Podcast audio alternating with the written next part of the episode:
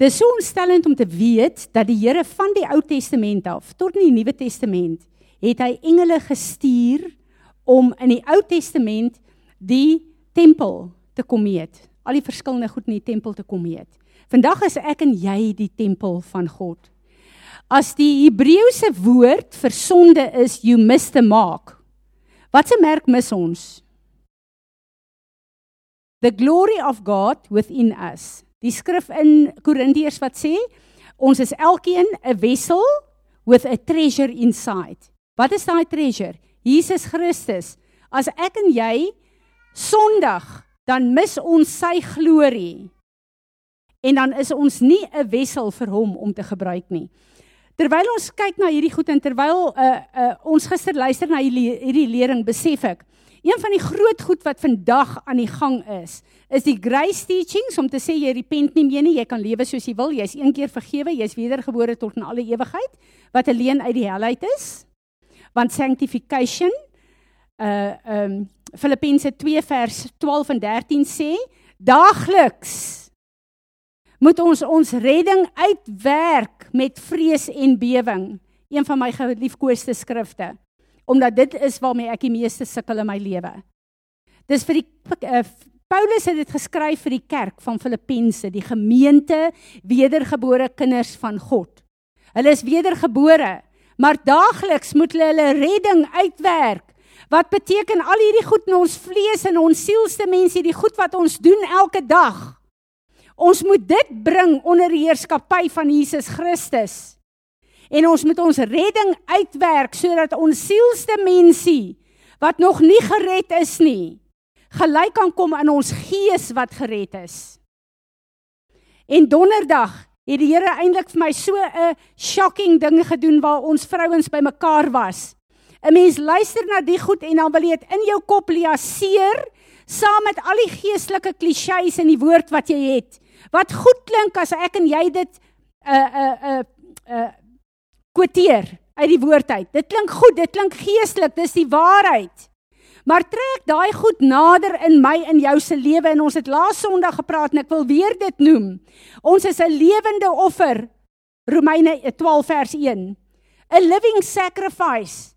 En donderdag het ons ook vir mekaar gesê, as ek en jy wedergebore word hier op aarde, sou die maklikste vir my vir Fransie van Wyk gewees het om net te sterf en oor te stap in my ewigheidslewe.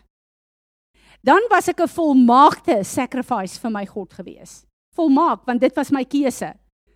Maar hy het gekies dat ons lewende sacrifices is.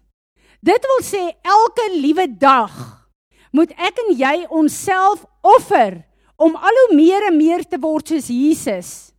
Dan bring ons dit terug na ons irritasie met ons mans en ons vrouens en ons kinders in ons huise. Ons irritasie met ons werkers, ons irritasie met taksies wat voor ons inry, meer in die stad as hier by ons. Ons irritasie met al daai goed wat ek en jy elke dag in die oë kyk wat ons sukkel om onder heerskappy van God te bring. Ons taalgebruik ons trots, ons hoogmoed, die goed wat elke dag in ons lewe is. En ons het uh, donderdag gepraat oor daai skrif in Hebreërs uh, 4 willa waar wat ek verstaan meer as ooit in hierdie tyd, maar is vir my so skerry want dit bring die gees van God op my lewe vir myself, want dit is waarmee ek sukkel, waar hy kom en sê, julle het nog nie ten bloede gestry om julle vlees te kruisig nie. En wat beteken daai skrif? Wat beteken dit? Voordat Jesus Golgotha toe gegaan het, was hy in so 'n siele stryd gewees in Getsemane dat hy begin bloed sweet het. Hoekom was dit vir hom so erg? Want Jesus as mens wou nie, hy wou nie hierdie vlees van hom aan 'n kruis laat hang nie met al daai vreeslike mar marteling wat hy reeds deurgegaan het. As hy as mens in daai tuin ge ge uh, uh, vroeg het, het hy geweet wat kom. Hy het nie kans gesien nie. Maar hy moes sy keuses en sy eie wil bring onder die wil van God. Dis hoekom hy gesê het: "Vader, As dit moontlik is, vat dit van my weg. Hy sien nie kans nie. En toe kom hy en hy sê, maar nie my wil nie. U wil. En ek besef hierdie is so ernstige gedeelte, maar as ek dit trek na my elke dag toe met die goed waarmee ek sukkel en waarmee ek 'n stryd het met selfbeheersing. As ek dit hiernatoe trek, dan weet ek ek is nie op 'n plek waar ek soos Jesus kon gesê het nie my wil nie, maar u wil. Want as ek op daai plek was, regtig nie uit godsdiens uit nie, het die goed wat in my lewe verkeerd is in lyn gekom met God se heerskappy hier op aarde deur my. En ons sit almal met hierdie goed julle. Ons sit almal met hierdie goed. So ek weet dat die Here is op 'n plek waar hy as hy sê hy soek 'n bruid sonder rimpel of vlek, dan beteken dit al daai vuil kolle in my lewe moet skoon gewas word. Efesiërs 5 vers uh, 26. Die water van die woord is al wat dit kan skoon was. En die bloed van Jesus, die bloed van die lam, dis al wat dit kan skoon was. En as ek wegtrek van sy woord af, van plekke waar ons lering kan kry. Dis hoekom die Here sê ons mag nie die vergadering van die heiliges minag nie. Hoekom? Want hier leer hy ons. Hier is waar hy teenwoordig is. Hier is waar die salwing die juke van die vyand op ons kan breek. Hier is die plek waar ons nie Sondag vir Sondag kom om 'n goeie woord te moet kry vir ons om ons te eh, 'n uh, pep talk vir die week wat voorlê nie. Nee, ons is 'n weermag van God. En in hierdie plek moet ons toegerus word in hierdie weermag. Ek en jy het nie 'n keuse nie. As jy in 'n fisiese weermag ingaan, dan het jy 'n keuse of jy 'n soldaat wil wees of nie. Die oomblik toe jy ja gesê het vir Jesus Christus, het jy aangeteken in hierdie weermag. So ek en jy het 'n keuse. Of ons word vuis foos geslaan deur die vyand. Ons kyk dat ons gemeenskappe, ons land in die drein afgaan Of ons staan op en sê nee, ek stem saam met wat geskryf is in die bloed van Jesus Christus, want hy het vir Suid-Afrika, vir my, vir my familie gesterf en my familie sal lyk soos wat hy voorgesterf het. Wat beslis nie beteken dit gaan maanskyn en rose wees nie, maar dit beteken elke plek waar ek 'n probleem het, gaan hy die antwoord wees en gaan die oplossing kom volgens sy oorwinning op Golgotha. Amen. En dit is wat die Here op hierdie stadium van ons soek. Hy soek ons as 'n kerk van Jesus Christus, 'n gemeente, 'n regsentiteit om met autoriteit te kan opstaan en dit is hoekom hy so werk met ons om ons te laat verstaan ons is priesters, 'n royal priesthood en vir ons wil leer wat beteken dit? Dat dit nie nog 'n geestelike klise is van we are a royal priesthood, a holy nation. Dis uh, nog iets wat ons quoteer, maar hoe lyk dit 24 ure dag in my en jou lewe? En dit is waaroor dit gaan. Die tyd wat ons het om kerk te speel is verby. Die Here herinner my vanoggend vroeg toe ek bid oor oor uh, wat hy vanoggend wil doen. Aan ons was in Israel gewees jare terug en die persoon wat vir ons lering daar gegee het, ken die die uh uh ken Hebreëus en ken die die gebruike van Israel het regtig ware klomp kennis van die woord. En uh, terwyl ons na die verskillende plekke toe gaan vir al die die ons was by by uh, uh, soos die die Colosseum in Rome, wat noem hulle dit in Israel? Uh, ek kan nie op die naam kom nie, maar waar hulle vir ons verduidelik die agtergrond van alles. En daar het ek met 'n skokkende ding iets gehoor wat ek nooit nooit vergeet het nie, want dit my so beïndruk. Weet julle dat die woord kerk kom nie uit die Bybel uit nie. Dis nie 'n Bybelse term nie. Jesus het gesê Hy het sy gemeente kom vestig. Weet julle waar kom die woord kerk vandaan? Dis 'n Griekse woord, kirke, wat afgelei word van circus, a place of entertainment. En die kerk van Jesus Christus het 'n plek van entertainment geword in die eerste plek om my vlees te streel sodat ek 'n goeie woord kry sodat ek kan goed voel sodat ek 'n goeie Christen kan wees. Gemeente se se 'n uh, uh, Hebreëse woord beteken ekklesia. 'n Ekklesia is 'n regsentiteit. Ehm um, Eugene sal dit goed verstaan waar jy 'n 'n 'n wettige reg en autoriteit het om sekere sake te wettig en te beding. As ons kyk hier op aarde, nou hoe ons as 'n liggaam van Christus behoort te funksioneer. Dan kyk ons heel eerste, ons word van kleins af geleer, soos in die hemel, so ook op aarde. Dan verstaan ons deur gebed en deur ons lewe is daar 'n koninkryk van God wat in die hemel is wat moet afkom aarde toe. Want hier is 'n vyand wat hierdie aarde kom steel het en ons moet daai koninkryk afbring aarde toe.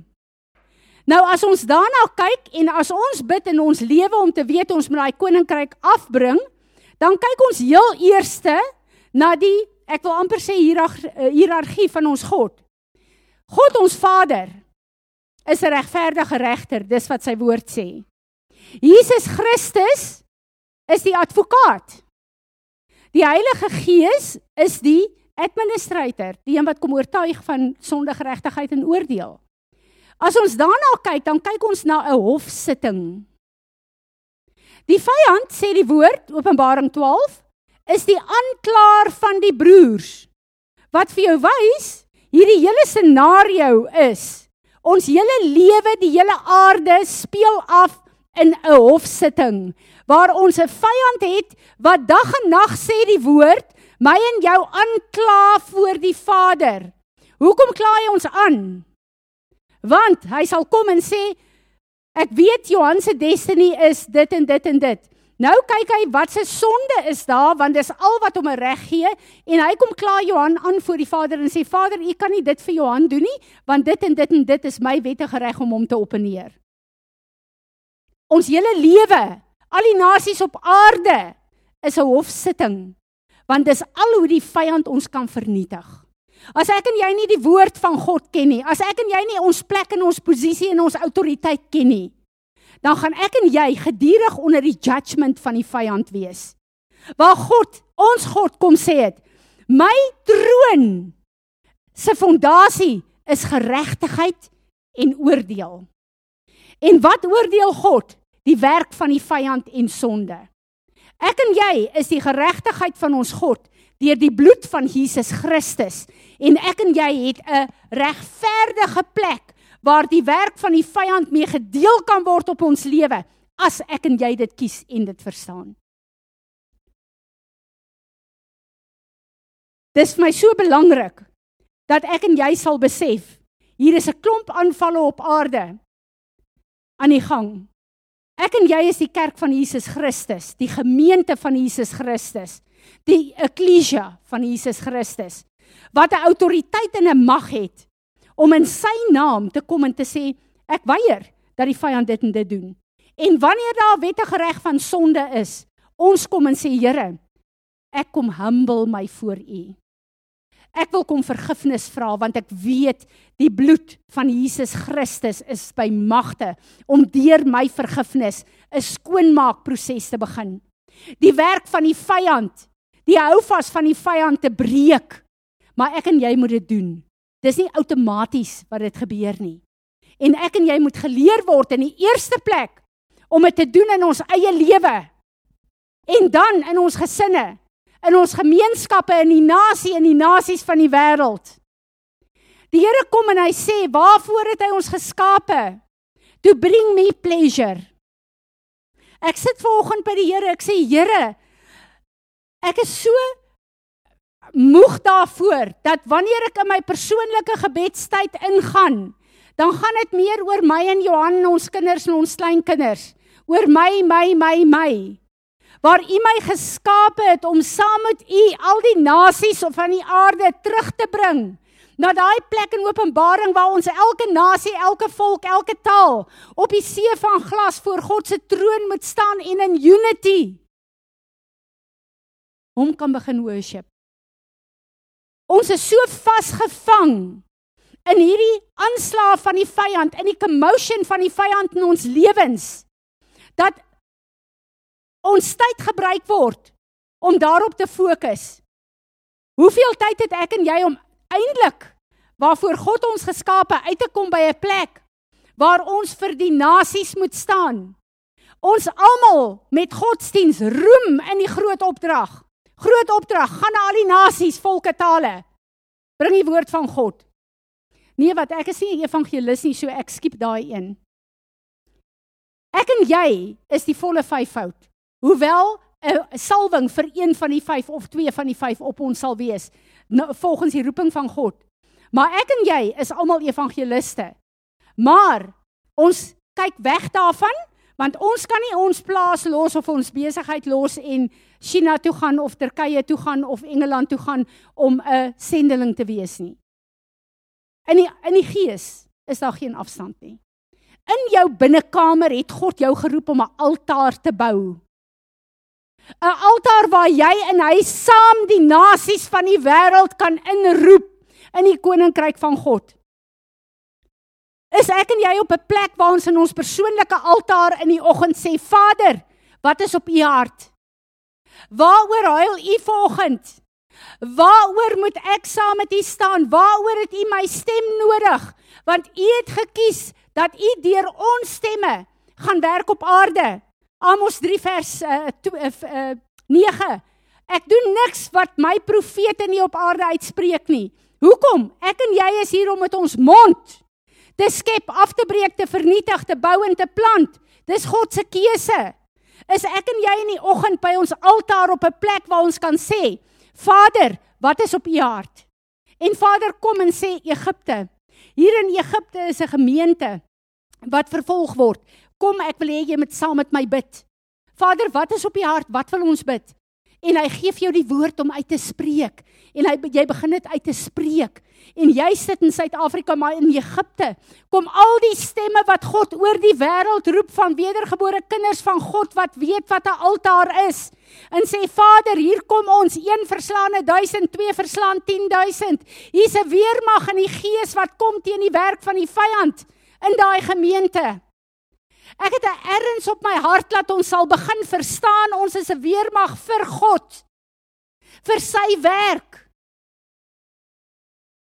En dan kom die grootste wonder van God se genade wat al soveel in my lewe gemanifesteer het in werking. Die oomblik as ek en jy begin fokus op die koning en sy koninkryk. Al hierdie goed wat ek en jy al ons energie mee gebruik om te bid vir ons eie goedjies gedurig. Sê hy, ek kom en ek gee vir julle alles. Soek allereers my koninkryk en alles wat jy nodig het sal vir jou bygevoeg word. Hoekom het ons hierdie ding so te mekaar? Omdat die vyand ons wil wegtrek van ons eintlike roeping in God. My hart is en ek sal by lewe neer lê daarvoor dat hierdie gemeente 'n gemeente sal word wat sal verstaan dat ons 'n weermag vir God is. Wat nie sal toegee aan die vrees van die vyand nie, maar wat sal toelaat dat God deur ons verklaar en deur ons werk Want die Here het 'n voice print in die gees nodig om mee te werk.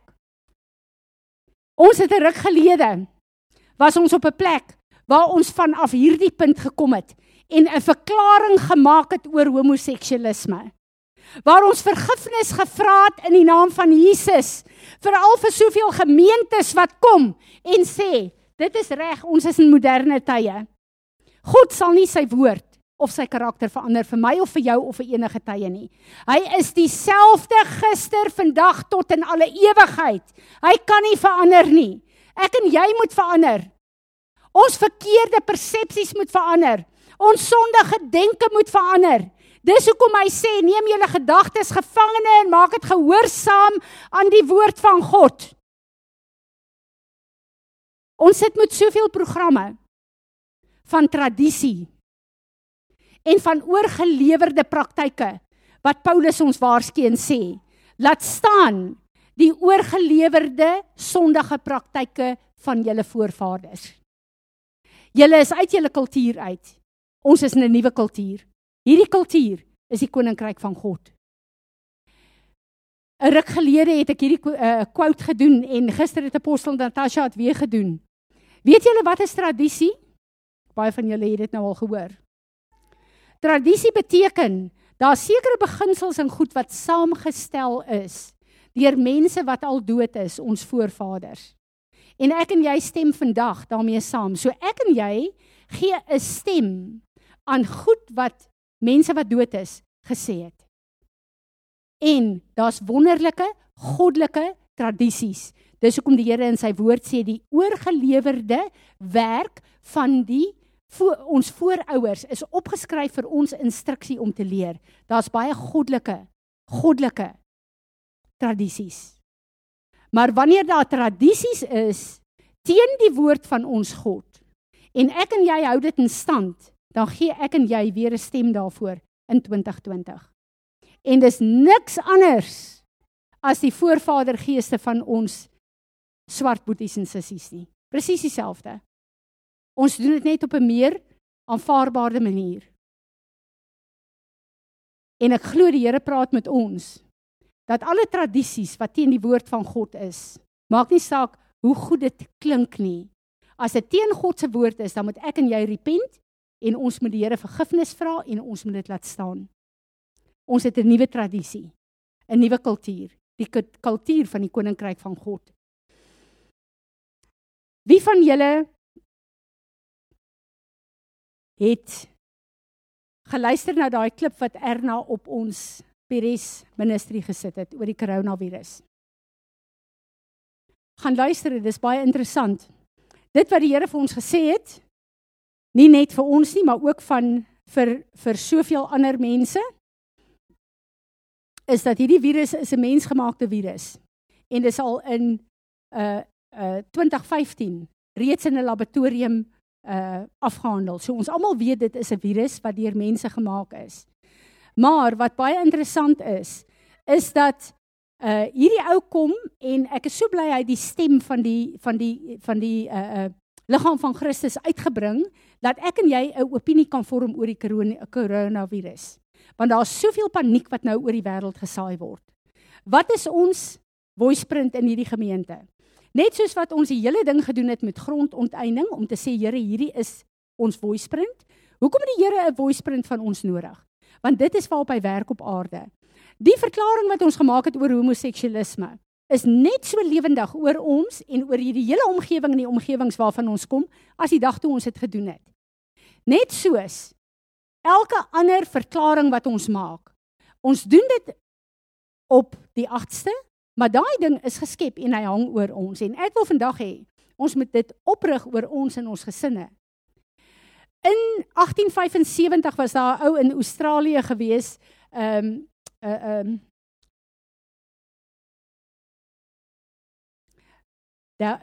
Douring was sy van gewees Alexander Douring. En daar was 'n groot plaag in Australië van die ouens wat die die geskiedenis ken wat duisende mense dood is. En uh, daar hulle het geen 'n uh, um, 'n uh, 'n uh, kuur daarvoor gehad nie. En gemeentes, die hele kerk se mense het sommer gesterf. Hulle het 40 begrafnisse in 'n week gehad. So dit was 'n geweldige groot aanslag geweest. En hierdie ou het gekom en hulle het hom kom roep vir 'n dogtertjie van 12 wat wat 'n uh, sterf. En ehm um, Hy gaan uit na die gemeente toe maar hy huil voor die Here die oggend en die Here sê vir hom, maar uh, hy sê Here gaan die hele gemeente sterf, uh, is ons oorgelewer, uh, kan ons niks doen nie. En die Here gee daai skrif in Handelinge uh, vir hom waar hy waar Stefanus preek vir die mense daar voor hy geseënig is en sê dat uh, Jesus het ons geroep om demone uit te dryf, hy het alle siekes siektes genees. En daai ding val in sy gees en die Here begin vir hom al die skrifte oor genesing uit te gee. En hoe meer hy dit lees, besef hy, maar die woord van God is die waarheid. Genesing is daar. Hierdie virus, hierdie hele plaag wat hier is, is 'n leuen. Die woord van God is die waarheid. En hy kom toe saam met die dokter by hierdie dok dogtertjie se bed aan en die bloed is besig om uit haar mond uit te te borrel en soos wat hierdie plaag sy uh, op haar laaste en uh, die dokter die dokter maak 'n verklaring en sê hoe 'n geheimenis is die werk van God net nie op aarde nie. En hierdie ou staan op en sê maar dis nie God nie, is die vyand. So die dokter kom en sê dat die siekte die gang gaan, dit is die Here hierdie, hulle kan niks doen nie.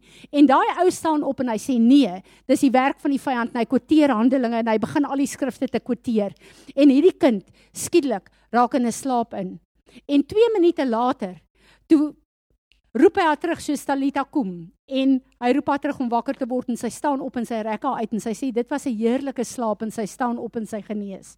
Van daar af begin hy 'n genesingsbediening wat daai hele plaag gestop het in Australië. Hierdie is opgetekende goed julle. Ons het verlede Sondag gepraat, daar is 'n priesthood in 'n demoniese kant wat offers gebring het om hierdie altaar te bou vir die corona koronavirus. Wat hoeveel mense se lewens bedreig. Wat sê die woord van God? Die woord van God sê geen onheil en geen plaag gaan bo voor bo jou kom nie. Ons dien 'n God wat elke siekte op Golgotha uitgeklee het. Maar hy kom ook en hy waarsku en hy sê die koronavirus is net iets om ons aandag te vat want daar's 'n groter plan op om op plek te kom en ek eer die Here vir sieners en vir intercessors wat hierdie goed kan raak sien. En nou is almal gefokus op hierdie koronavirus om te bid en om uh en die hele ding hier is stop ons energie daarop. Ons gaan vandag die verklaringe maak. Ons gaan die uh woord op uh, uh, rig. 'n Plan wat hulle op plek sit met die koronavirus is dat daar 'n uh, 'n uh, uh, enstof gaan uitkom op aarde wat ons deur ons regerings gaan forceer om daai enstof daai inenting te neem. En dit gaan ons op 'n plek plaas waar ons oop is vir baie ander virusse en goed. So hierdie ding is saamgestel en hierdie ding wil van regeer wil so 'n vrees op aarde daar plaas dat elke mens hierdie hierdie 'n uh, 'n uh, vaksines gaan neem om veilig te wees. En dit is die plan En ons weet ons in die eindtye, ons weet wat se planne van die anti-kris. Ons sien dit uit die woord uit. En ek en jy is geroep deur Jesus Christus om sy woord op te rig. As die Here sê, geen onheil sal naby my en jou kom nie, dan sê hy dit en dis die waarheid. Die Here kom in die uh uh Nuwe Testament en ek wil 'n paar van hierdie skrifte wil ek net eenvoudig lees. Uh voor ek daarby kom, wil ek net vir julle sê dat As ons kyk na ons persoonlike altaar en ek het eintlik uh, besluit ek wil vanoggend daaroor gepraat het. Ek sal volgende week 'n bietjie daaroor praat. Ons praat oor hierdie geestelike uh uh uh uh terme. Soos 'n altaar, soos priesthood, soos uh, ek voel net ons moet 'n bietjie kyk uit die woord uit. Hoe lyk 'n altaar in my lewe? Hoe lyk ek as 'n priester? Hoe lyk ons moet dit terugbring na ons persoonlike lewe in ons eie huis? As ons daar effektief is, is ons hier saam baie effektief. So dis wat ek wil hê ons moet kyk volgende week na.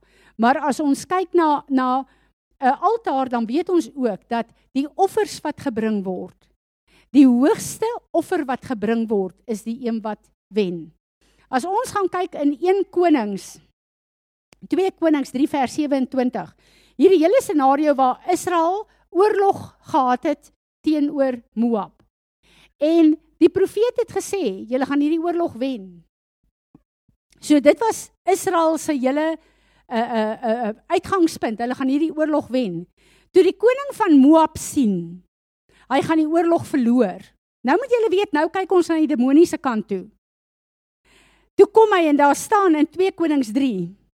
The king of Moab took his eldest son who was to reign in his place and offered him publicly as a burnt offering on the city wall horrifying everyone and there was a great wrath against Israel, and Israel's allies, Judah and Edom, withdrew from King Jehoram and returned to their own kind. Omdat die koning demonies die hoogste offer gebring het, het hy daai oorlog gestop en het hy as 'n wenner uitgestap. Ek en jy het die grootste offer tot in alle ewigheid, die bloed van Jesus Christus, ons Here en Meester. Maar soos daai koning 'n fisiese ding moes gedoen het, is daar fisiese goed wat ek en jy moet doen in elke situasie in ons lewe en in ons land. En dis wat die Here wil hê ons moet verstaan en wat ons moet leer om te doen. Handelinge 10 vers 38 sê: Waar Stefanus besig is om gestenig te word, kom hy en hy gebruik daai geleentheid om te preek en hy sê: "How God anointed Jesus of Nazareth with the Holy Spirit and with great power." He went around doing good and healing all who was oppressed by the devil. Hy het nie sekere mense genees nie, Here. Almal wat na hom toe gekom het, het hy genees, sê die woord. Die woord sê vir ons in Lukas 10 vers 19, "Listen carefully, I have given you authority." Dis wat Jesus sê. That you now possess to tread on serpents and scorpions, the ability to exercise authority over all the uh, power of the enemy, and nothing will harm you. Hy kom en hy verklaar vir ons in in uh, Maleagi 3 waar uh, God praat oor tiendes deur die profeet. Hy kom en sê wanneer ons God se tiendes na sy altaar toe bring, I, God himself, will rebuke the devourer. As ek en jy gehoorsaam is in God se verbondstaal en in wat hy ons geroep het om te doen, sal niks en geen onheil naby my en jou kom nie. Ons moet weet dat ek en jy het al die beskerming wat nodig is. Maar die Here kom en hy sê in die eerste plek moet ons bely oor hierdie vrees. Wie van julle het nie vrees gehad as julle luister na al hierdie goed van die koronavirus nie? Enkeles. Die ander, ons sit met vrees. Al die gerugte van negativiteit wat uitkom deur die media, deur die nuus, deur uh, internet, deur die Facebook. Ons lees daai goed. En veral as jy kyk na die statistieke en meer as 100 000 mense is op aarde nou besmet in al hierdie goed, dan kom daar vrees in jou. Maar die Here sê vir ons, as ons reg staan met ons God, geen onheil sal naby ons kom nie. So in die eerste plek wat die vyand probeer doen voordat hy ons vasvang met sy goed, is om vrees en ongeloof by ons te bring. En ek wil hê ons moet as 'n gemeente dit vandag bely En dan verklaar ons, die woord van die Here sê in Jakobus: Onderwerp jou aan God. Weerstaan die duiwel en hy moet van jou af wegvlug. As die Here sê hy moet vlug, dan moet hy vlug. As die Here sê geen onheil gaan naby ons kom nie, bedoel hy dit. Ek en jy moet dit verklaar. Ons moet verklaar van hierdie plek af. Ons kom bely, ons kom onderwerp ons aan die Here dan verklaar ons dat ons en ons gesinne, hierdie gemeente, ons gemeenskappe, ons families uh, is, is onder die beskerming van die bloed van die Here. In Psalm 91 sê: "Geen onheil sal naby julle kom nie en geen plaag sal aan jou raak nie." Dit is God se beloftes. Nou die vraag vandag is: Wat kies ek en jy? Gaan ons die vyand glo met hom saamstem en ons voiceprint vir die vyand gee om meer te doen daarmee? Of gaan ek en jy kom en sê nee, dis wat my God sê. Dis wat die bloed van Jesus sê. Ek skaar my daarbey en ek rig daai verklaring op oor my, oor hierdie hele gemeenskap, oor my gesin en oor my land. Kom ons staan.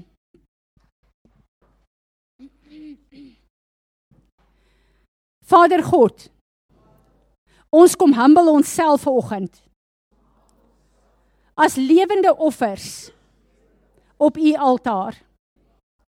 Ons wil kom vergifnis vra vir al die ongeloof en die vrees wat ons toelaat oor hierdie gerugte van die vyand.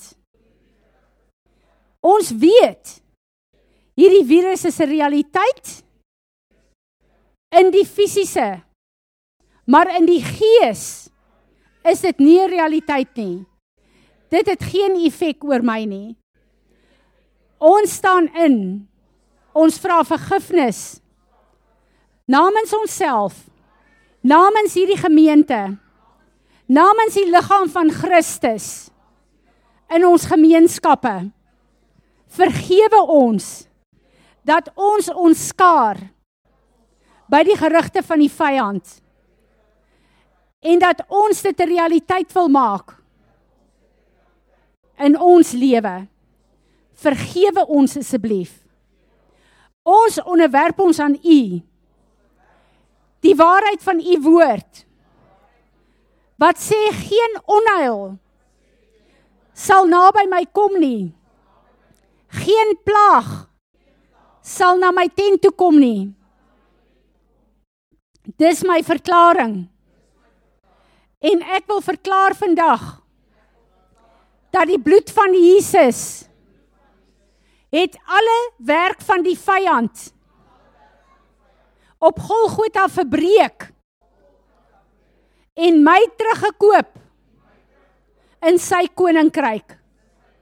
En daarom verklaar ek my beskerming lê in die bloed van Jesus en die woord van my God. Amen. Amen. Wonderlik jy kan sit. Enigeen wat 'n woord het, wat iets gesien het. Ek wil hê ons moet afsluit vandag met uh Marinus, het jy het jy ek wil hê ons moet hierdie as 'n verklaring vandag sin en ek wil hê ons moet daarmee uit uh, daarmee afsluit.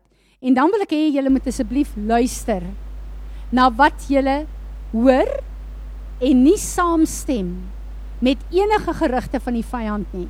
So as iemand na jou toe kom en sê het jy gesien die koronavirus het nou 1000 in Suid-Afrika, dan sê jy ek is so dankbaar dat ek onder die bloed van Jesus in die beskerming van my God is, want geen onheil kan naby my en my huis kom nie. En dat ons daai verklaring sal doen as die liggaam van Christus. Kom ons maak hierdie verklaring. Dankie Marinus.